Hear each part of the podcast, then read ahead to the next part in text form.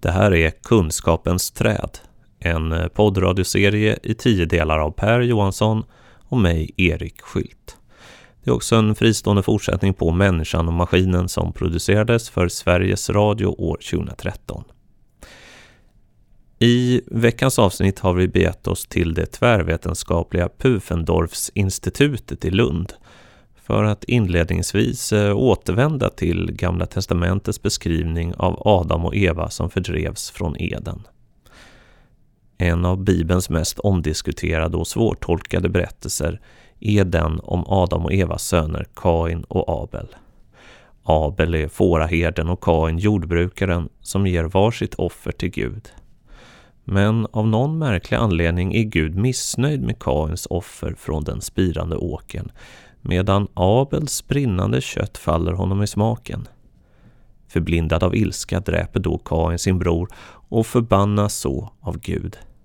Samtidigt som Gud sätter ett märke, ett Kains-märke på hans panna, som innebär att Gud trots allt kommer att beskydda Kain i framtiden. I denna lilla episod ligger en hemlighet gömd. Kanske finns här en föraning om den värld som ska komma Dagens avsnitt har rubriken Civilisation. Fastän det då står att Kain dömdes till ett kringflackande liv så står det lite längre fram att han byggde en stad. Och han kallade den Hanok efter sin son. Och så föds det en massa söner och söder, söner till söner. En hette Jabal. Han blev stamfader till de som bor i tält och är boskapsskötare. Och en hette Jubal. Han blev stamfader till alla de som spelar harpa och flöjt. Mm. Och en tredje hette Tubal-Kain. Han var smed och gjorde alla slags redskap av koppar och järn. Så vad är det som liksom glimtvis framträder här? Ja, det, det är ju en, en högkultur egentligen. Mm. En stad, flöjtspelare, smeder, redskap. Man får ju ett intryck av att Kain är civilisationens anfader. Mm. Eller hur? Mm. Och han är både, paradoxalt nog, både förbannad och beskyddad av Gud. Mm. Här är något med den här go goda, onda tvetydigheten. För liksom följa med, följa med här. Är det inte så med civilisation? Va? Alltså civilisationsbegreppet. Att det har bibehållit den här tvetydigheten. Om man tänker på allt ont i världen. Mm. Så, så är det lätt att peka på alla saker som civilisation, civilisationer har ställt till med. Inklusive vår. Mm. Tänk bara hur vår nuvarande hypermoderna civilisation har sprungit ur andra världskrigets elände. Samtidigt finns det mycket i vår civilisation som vi vill, eh, inte tvekar att kalla gott. Och vi anstränger oss nog också i och för sig ganska mycket då åt att blunda för det onda som kanske på sätt och vis har varit drivkraften bakom, bakom det vi kallar det goda. Det finns en, den här inbyggda paradoxen kommer vi inte ifrån och det, det är kanske någon sorts Kains. Mm märke, Kains förbannelse eller Kains välsignelse eller vad sjutton är det som, som, som för, har följt med oss hela vägen här. Så att Kain på något sätt får grepp om någon typ av kraft i och med att han blir ännu mer utstött. Han är ju dubbelt utstött. Jag menar, hans föräldrar Adam och Eva, de, de utstötte Eden ja. och lite chockade över det. Mm. De får ändå två barn. Men, men Kain, han, han gör ju fel det första han gör. Och dödar sin bror. Mm. Och blir ännu mer utstött. Men är det samtidigt att han har hittat någon typ av kraft då? Kanske föds en kraft ur själva utstöttheten. Ja. Mm. Ja, det är en intressant tanke. Den, den, den stora gåtan är ju varför människor är som de är. Alltså, det finns ju någonting, i alla fall i mänsklig civilisation, som är omättligt. Ja. Ett lejon som ligger på savannen blir hungrigt. Då jagar den lite och lyckas till slut fälla en antilop eller liknande. Och tänker, ja vad gott, nu ska jag äta. Så kanske kommer någon lejonunge. Sen, har de lite problem. Det kan ju komma någon lejonhane som bråkar eller någonting. Men förutom det så lägger den sig där och, och, och käkar köttet tills det är slut. Och sen lägger den sig och sover. Ja, och sen har den ganska gott där och kanske ligger i skuggan av någon, Mm. något träd. Och, på, på något sätt så är ju det lite Edenlikt. Ja, Men- det är lite obekymrat Ja, det är ju det. det är våldsamt och det är liv och död och, och så vidare. Mm. Men, och, och, men det finns... Jämfört med det så är ju människan på något sätt bekymrad Ja, jämt. Och försöker hitta lösningar och försöker planera. För att om en lejonmänniska skulle ju tänkt, aha, en gasell? Nej, man vet ju aldrig vad som händer. Lika bra att ta tre på en gång. Och sen så kan jag ju byta den här extra gasellen med några andra lejon. Så de kanske behöver, jag kanske behöver någonting. Ja, eller det kunde vara gott med någon, någon, någon gnu som omväxling. Inte Ja. Antilop. Eller an, ja, olika sorters mat. Vi byter med varann. Ja, just ja, det. Sen är det någon som börjar experimentera med att äta bär plötsligt. Ja, Det blir exakt. en ny trend. Ja. Eller titta här, jag har ett sånt händer ju liksom inte bland lejonen. Nej, det är inte något lejon som går omkring och, och, och kaxar sig med en stor hög av kött och därför får en enorm stor, en enormt hög status. Nej, ordnar gruppen. stora fe- fester liksom. Nej, Nej. exakt. exakt. Lejon bjuder in till en stor köttfest. Men det är ju vad de människor gör. Ja, ja, visst. Och det finns ju många exempel Ja. på det från, från så, liksom olika kulturer i olika delar av världen. Hur det här med prestige grundar sig på, på att man ordnar med fest. Mm. Ja, det är ju lite så hos oss idag med ju, Ja, absolut. såklart. Ja, Och, och det är ju någon sorts förutseende, planering, beräkning i det där Ja. också. och, och en omättlighet. Det är det som är en del av stora konsumtionssamhället. Man behöver ju inte allt det här. Alltså man behöver inte ens allting för att, för att leva gott. Nej. Utan det mesta är ju ganska onödigt. Så det är det civilisation är då liksom. Ja, omättlighet. Ja, och så Kain är jordbrukare och sätter igång och producerar ett överflöd. Och han blir så glad över överflödet så han, han, han sätter en del åt sidan åt den högre makten här. Och, och, och, och säger jag har så mycket så du kan få det här. Jag klarar mig ändå. Ja, så det det. kanske det är han Ja, säger. ja. Och det tycker jag Gud är ett lite tveksamt motiv då från hans edenlika utsiktspunkt. Mm. Någon sorts, det finns någon sorts onödighet i det hela. Och, och, och så säger han nej tack, jag, jag är inte intresserad av, av, av ditt över, överflöd. Varför har du gjort så mycket? Räcker det inte? Och så bygger han bygger en stad och han får barn som är civilisationsskapare. Det är ju en mytisk berättelse det här. Den, den, den gräver sig ner i, i något förmedvetet på något sätt. Som den försöker gestalta. Så uppfattar jag det. Alla de här starka myterna som återberättas gång på gång. Och som vi nu också inte kan låta bli att beröra på något sätt. De, de, det är precis som om de symboliskt uttrycker någonting som vi egentligen har väldigt svårt att formulera själva utan vidare. Den här mytiska vinkeln är ju också, den, den öppnar, ju, öppnar ju tanken för andra att se andra saker än vad vi vanligen pratar om när vi pratar om civilisation och civilisationshistoria. Om vi tar och, tar och tittar på det lite grann. Eh, tänk på det lite grann. Ta ordet civiliserad. Rent etymologiskt, var kommer det ifrån? Jo, det kommer från att ursprungligen betydde det att leva under romersk eller civil lag. Under renässansen sen så kom det att betyda ett levnadssätt. Och en lag som var något annat. Eh, en, en, en, kontrasten var ju barbari då. Alltså civilisation kom under, eh, under renässansen att beteckna en sorts kollektivt förnuft. Eller rättare sagt att vara civiliserad betydde det. Substantivet civilisation är förvånansvärt nytt. Den eh, började användas först på 1700-talet i Frankrike. Och då betydde eh, det att man... En, en, en god regering, ett gott styrelseskick betyder det. Att vara civiliserad eller civilisé, det, det var, betyder att man åtnjöt en god regering.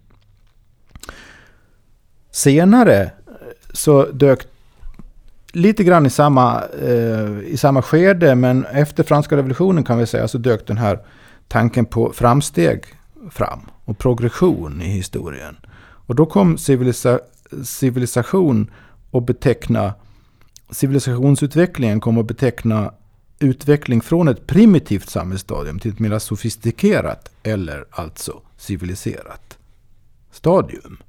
I, i, i, i um, upplysningens Frankrike så pratar man om fyra stadier. Det första var naturstadiet. Det andra var det pastorala eller nomadiska stadiet. Det tredje var det agrara stadiet. Och det fjärde var det civila eller kommersiella stadiet. Och det var det som var civilisationen alltså. Och vad, vad, man, vad man betonar här, vad man fokuserar på helt och hållet, är, är ju en, framförallt en ekonomisk utveckling. Det baseras på den, ekonomin. Försörjningssättet är, är, är, är det man pratar om. Men sen rör man till det lite grann för att det låg ju i, i begreppet sen längre tillbaka då också det här föreställningen om kulturell förfining.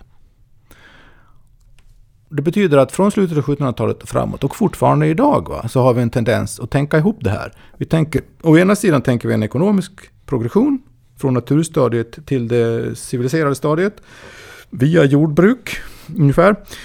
Å andra sidan så, så tänker vi oss att det innebär att vi också har blivit liksom mera finkänsliga och utvecklade moraliskt på något sätt. Och var, varför tänkte man ihop det där? Ja, det, det är betecknande att det fjärde stadiet här då enligt den här upplysningsfilosofin, det civila eller kommersiella stadiet, kommersiella stadiet, det, handlar, alltså det bygger på handel. Och vad är det som är för speciellt med det existentiella tillståndet om man säger så? När det gäller handel? Jo, det är att man måste träffa en massa okända människor hela tiden. Så man måste ha, ha, ha kontakter och, och, och, och friktions, förhoppningsvis helst friktionsfria förbindelser med på olika sätt. Och då krävs ju den där kulturella förfiningen. Då måste man ju uppföra sig civiliserat, även om man är ute efter att roffa åt sig saker och ting. Även om man är vinst som driver det hela och så vidare. Vinstintressen driver det hela. Så måste ju liksom hela umgänget måste liksom vara, vara förfinat i de kretsarna. Sen vad som händer med folk i periferin som utsätts för den här ekonomiska utvecklingen, det bryr man sig inte om naturligtvis. Det är också roligt att titta i gamla upplagsböcker. Jag roar mig att slå upp uh, civilisation, ord, begreppet civilisation, ordet civilisation i Svensk upplagsbok från 1931. Vet du vad det står där? Nej. det, det, är fantastiskt. 1931 är inte så länge sedan ändå. Va? Det är bara... Ja, uh, så här står det. Inbegreppet civilisation är alltså Inbegreppet av de odlingsmoment varigenom ett samhälle eller folk höjer sig över vildens ståndpunkt. Ordnade samhällsförhållanden, högre materiell eller andlig odling, kultur, bildning och civilisera definieras införa eller bibringa ordnade samhällsförhållanden eller högre kultur, bilda, hyfsa. Mm enormt stark moralisk värdering, eller hur? Och allt det här gäller det civila kommersiella stadiet. Det är ju ingen som läste Svensk uppslagsbok 1931. Det är definitivt ingen som skrev den här artikeln som tänkte att naturstadiet skulle kunna innebära någon kultur och bildning heller. Nej. Men det här är ju någonting som jag skulle säga de flesta människor på djupet vet att det inte är sant. Hur då menar du? Alltså det är ju en sammanblandning av två, två grejer. Ja. Det är ju att någon typ av materiellt välstånd eller ekonomisk höjd skulle leda till någon slags mänsklig förfining. Skulle det här stämma, att det här sista stadiet skulle vara den högsta formen av förfining, då skulle vi inte ha då skulle vi inte haft världskrig eller slavhandel eller, eller, eller dagens värld med enorma ojämlikheter mellan hundra personer som äger lika mycket i världen som, som, som hälften av, av, av jordklotets invånare. Det är en dröm om förfining, men den, den, är, ju, den är ju faktiskt falsk. Skulle det då betyda, ja jag håller med, skulle det betyda att... Ja, men vad betyder det då? Betyder det att civilisation är en sorts... Om man ser civilisation som någonting positivt, är det, är det, är det, är det någon sorts, ligger det någon sorts självbedrägeri eller, eller, eller, eller lögnaktighet i det då? Ja, men det finns ju någonting som skaver här i och med att vi vet att civilisation på det sättet som vi ser den har ett högt pris. Alltså när jag har tänkt på det här med civilisationsbegreppet, civilisationsutveckling och som vi eh, kan komma in på strax kanske civilisationskritik. Så med tiden fick jag en allt starkare känsla för att det, att det är något... Det en, finns en hund begraven här. Som är fruktansvärt svår att få syn på. För att det, det, det, det tränger så djupt in i vår bild. Och om vi nu här i kommande program ska prata om mera specifika vetenskapliga landvinningar som det brukar kallas. I fysik, i biologi. Upptäckter, teorier som har förändrat vår världsbild. Som fortsätter att förändra vår uppfattning om, om, om oss själva och om världen. Vad, vad uppträder de upptäckterna och teorierna i för sammanhang i samhället i stort? Hur värderas de? Hur, hur ser man dem? Vad sätts de in i för sorts berättelse? Jag tror det är därför vi, vi inte kan låta bli att dröja lite grann vid, det här, vid de här frågorna om urtillstånd och förändring och förbannelser och myter och, och som försöker fånga in någonting som, som har hänt med människan för länge sedan och som fortsätter att hända. För det, det, ligger under hur vi, hur vi ser på och värderar och försöker förstå det som händer nu också. Och det har med civilisation och synen på civilisation att göra. Vi, vi är ju jättestolta över våra vetenskaper och våra tekniska, eh, vår tekniska utveckling. I stort sett är vi ju det. Vi kan ju se lite negativa konsekvenser då, då och då. Liksom. Men i vardagslag tror jag vi, vi, vi sätter upp blinkers, eh, alltså skygglappar och, och och, och, och, har en tendens att filtrera bort eh, de, de uppenbara negativa sidorna. Vi fokuserar på det positiva. och det är fullt förståeligt psykologiskt. Man kan inte gå omkring och deppa, deppa över negativiteter hela dagarna. Det funkar inte. Och, och, speciellt då om det inte finns någon, någon alternativ berättelse att ta tag i som skulle kunna hjälpa en att se negativiteten eller riskerna eller det farliga eller det hemska eller det hotfulla. Man skulle se det i vitögat. Och ändå palla med och tänka positivt fast på ett annat sätt. Den berättelsen har vi inte överhuvudtaget. Utan vad sätts det in i för berättelsesammanhang? Det är där det där med civilisationsbegreppet blir så centralt. För att ta det här med, med, med utve själva utvecklingssynen, de här stadierna. Nu använder vi lite andra begrepp än man gjorde i, upplysningens tidens Frankrike på 1700-talet. Vi pratar inte om, om, om, om, om, om dem riktigt i de här termerna. Men eh, fortfarande tänker vi ju i, i, i sådana i såna här stadietermer. Vi tänker att de stora linjerna är ju det. Liksom. Vi, en gång i tiden, under ett par hundratusen år eller något, så, så var människan jägare-samlare. Och sen för 10-12 tusen år sedan så började man här och var och, och, och bruka jorden och blev bofast och byggde stora städer. Det är nästa stadium den utvecklingen fortsätter. Det är lite uppgång och fall. En del eh, civilisationer, enskilda civilisationer, enskilda kulturer kommer och går. Men ändå är det någon sorts fortsättning på det hela. Och så kulminerar det då på, på 1800-talet, 1900-talet i industrisamhället. Och, och, nu känns det som det håller på att nå en ny topp med digitaliseringen och, och eh, eh, automatiseringen och, och, och så vidare i samhället ny teknisk, ekonomisk eh, nivå. Allt det här är ju en enda eh, superberättelse om vilka vi är och vad meningen med det vi gör alltihopa. Och det är i det berättelsesammanhanget alla de här enskilda vetenskapliga upptäckterna och tekniska uppfinningarna sätts, sätts in. Och det är jättesvårt, det är nästan omöjligt tror jag för de flesta att överhuvudtaget tänka på det i några andra termer. Så om vi börjar misstänka att de termerna den synen på civilisationsutveckling, den definitionen av civilisation alltihopa. Att det är något lurt med det. Mm. Det är ju för fan livsfarligt. Det hotar vår föreställning om, om, om oss själva på ett extremt djupt plan. Ja, för att det är som att den här berättelsen som, som, som du vidrör, den stora berättelsen om mänsklig civilisation, den ses ju och traderas om och om igen som någonting i grunden positivt. Ja. Och även om alla människor är medvetna om vissa brister så lär vi oss att det på det stora hela har varit någonting oerhört, ja någonting fantastiskt för människan.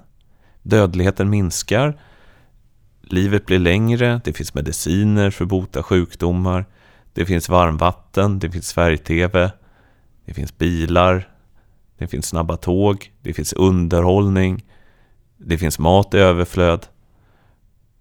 Men det man glömmer bort då är ju kanske det, för att återknyta till, till mytens värld, precis det som Bibeln i, i början talar om, nämligen att kunskapen alltid är på gott och ont. Att den har ett pris också.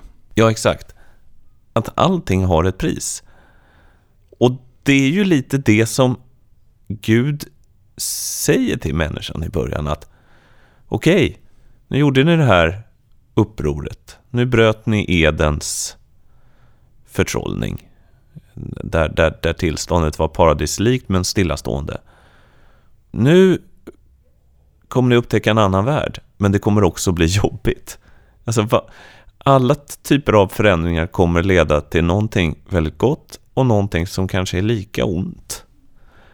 Och det är det där onda i det, det, det låtsas Det är som om, den, det, det, det, blir, det, det blir aldrig bättre på, egentligen på något sätt. Det blir någon sorts rundgång, någon sorts självdestruktiv nästan rundgång. Det finns ju en kritik mot, mot alltså generellt sett eh, verkar ju majoriteten se civilisationsutvecklingen som något positivt. Och den, den marknadsförs ju, eller vad vi ska kalla det. Den åskådliggörs ju i, i, i sådana termer som, som regel. Sen så finns det ju vissa oroande tecken då i vår nuvarande civilisation på att den den uh, tycks eh, hota att fallera i, i, i ett antal olika avseenden. Vi, vi föröder vår ekologiska bas. Vi ändrar klimatet. Vi, våra finansiella system verkar inte så stabila så att de skulle kunna åter, fortsätta upprätthålla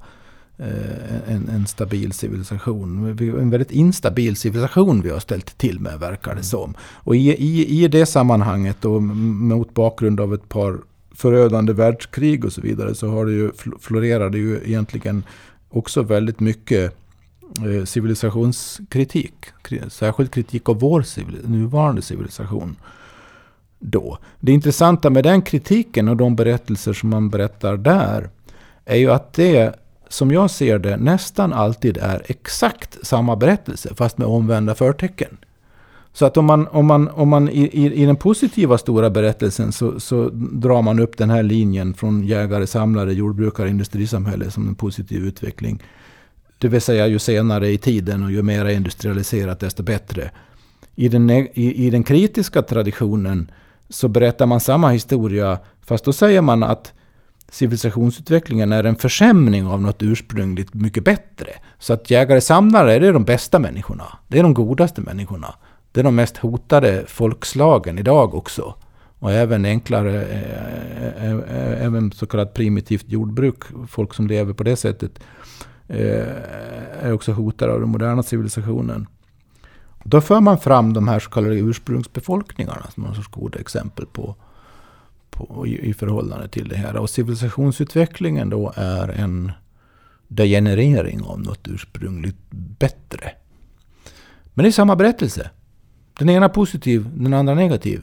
Tankefiguren är exakt samma. Och ingen av dem hjälper ju oss att se komplexiteten i vad som egentligen händer. Ingen av dem hjälper oss att eh, tänka i några alternativa termer.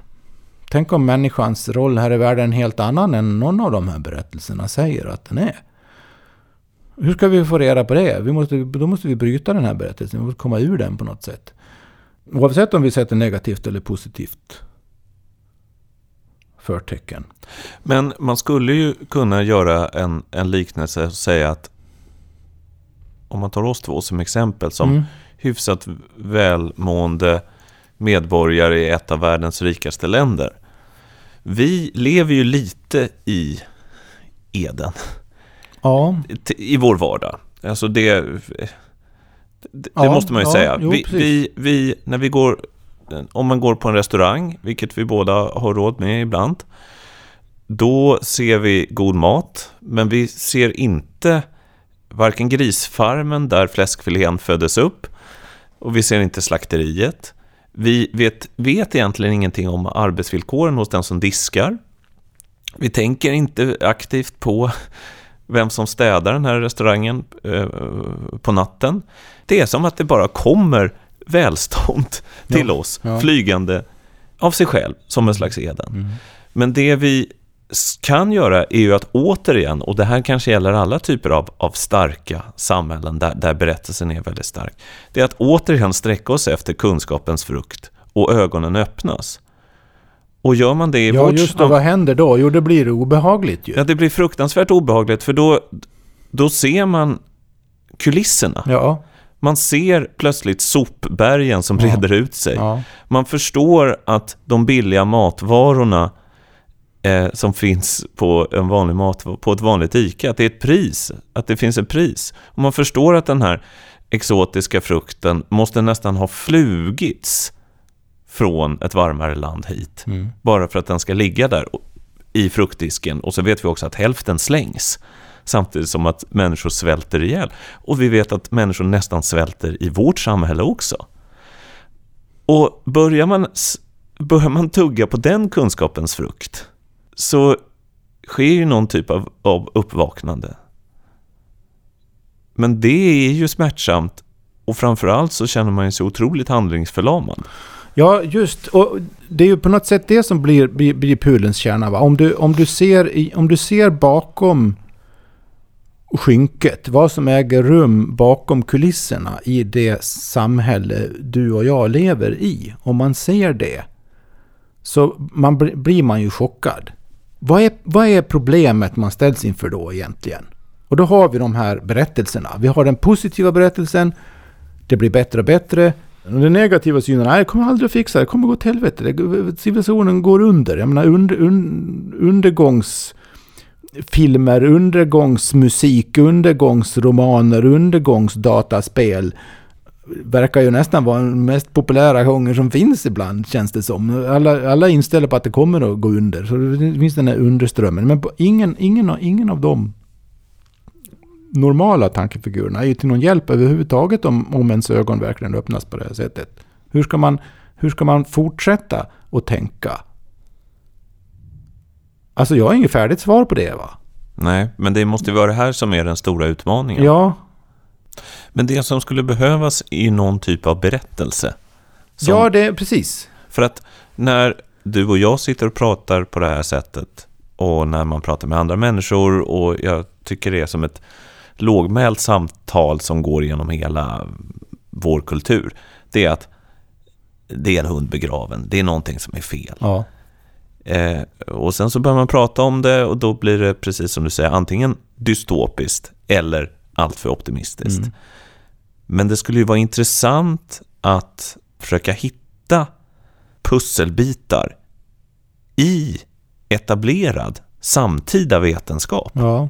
som tillsammans kan foga samman till någon typ av, i alla fall antydan av annan berättelse än den gängse som handlar om vi lever i en strikt materiell värld Mm. som drivs av ek- ekonomiska principer. För det är det som jag tror behövs, att när man ser klart så kan man inte ensam gå in i en, en, en ny syn på samhället. Alltså det måste finnas nej, någon nej, typ precis. av Ja, gemen... ju, ju, mer, ju, mer, ju fler som blir inbegripna i, i det här sökandet efter, efter en, en, en, en ny berättelse som har en bättre saklig grund, som har en djupare existentiell förankring i, vårt, i vår inre människa eller vår inre upplevelse av tillvaron. Samtidigt, ju mer som blir engagerade och hittar tråd, de nya trådarna i den här ännu icke existerande kollektiva berättelsen, desto, desto bättre.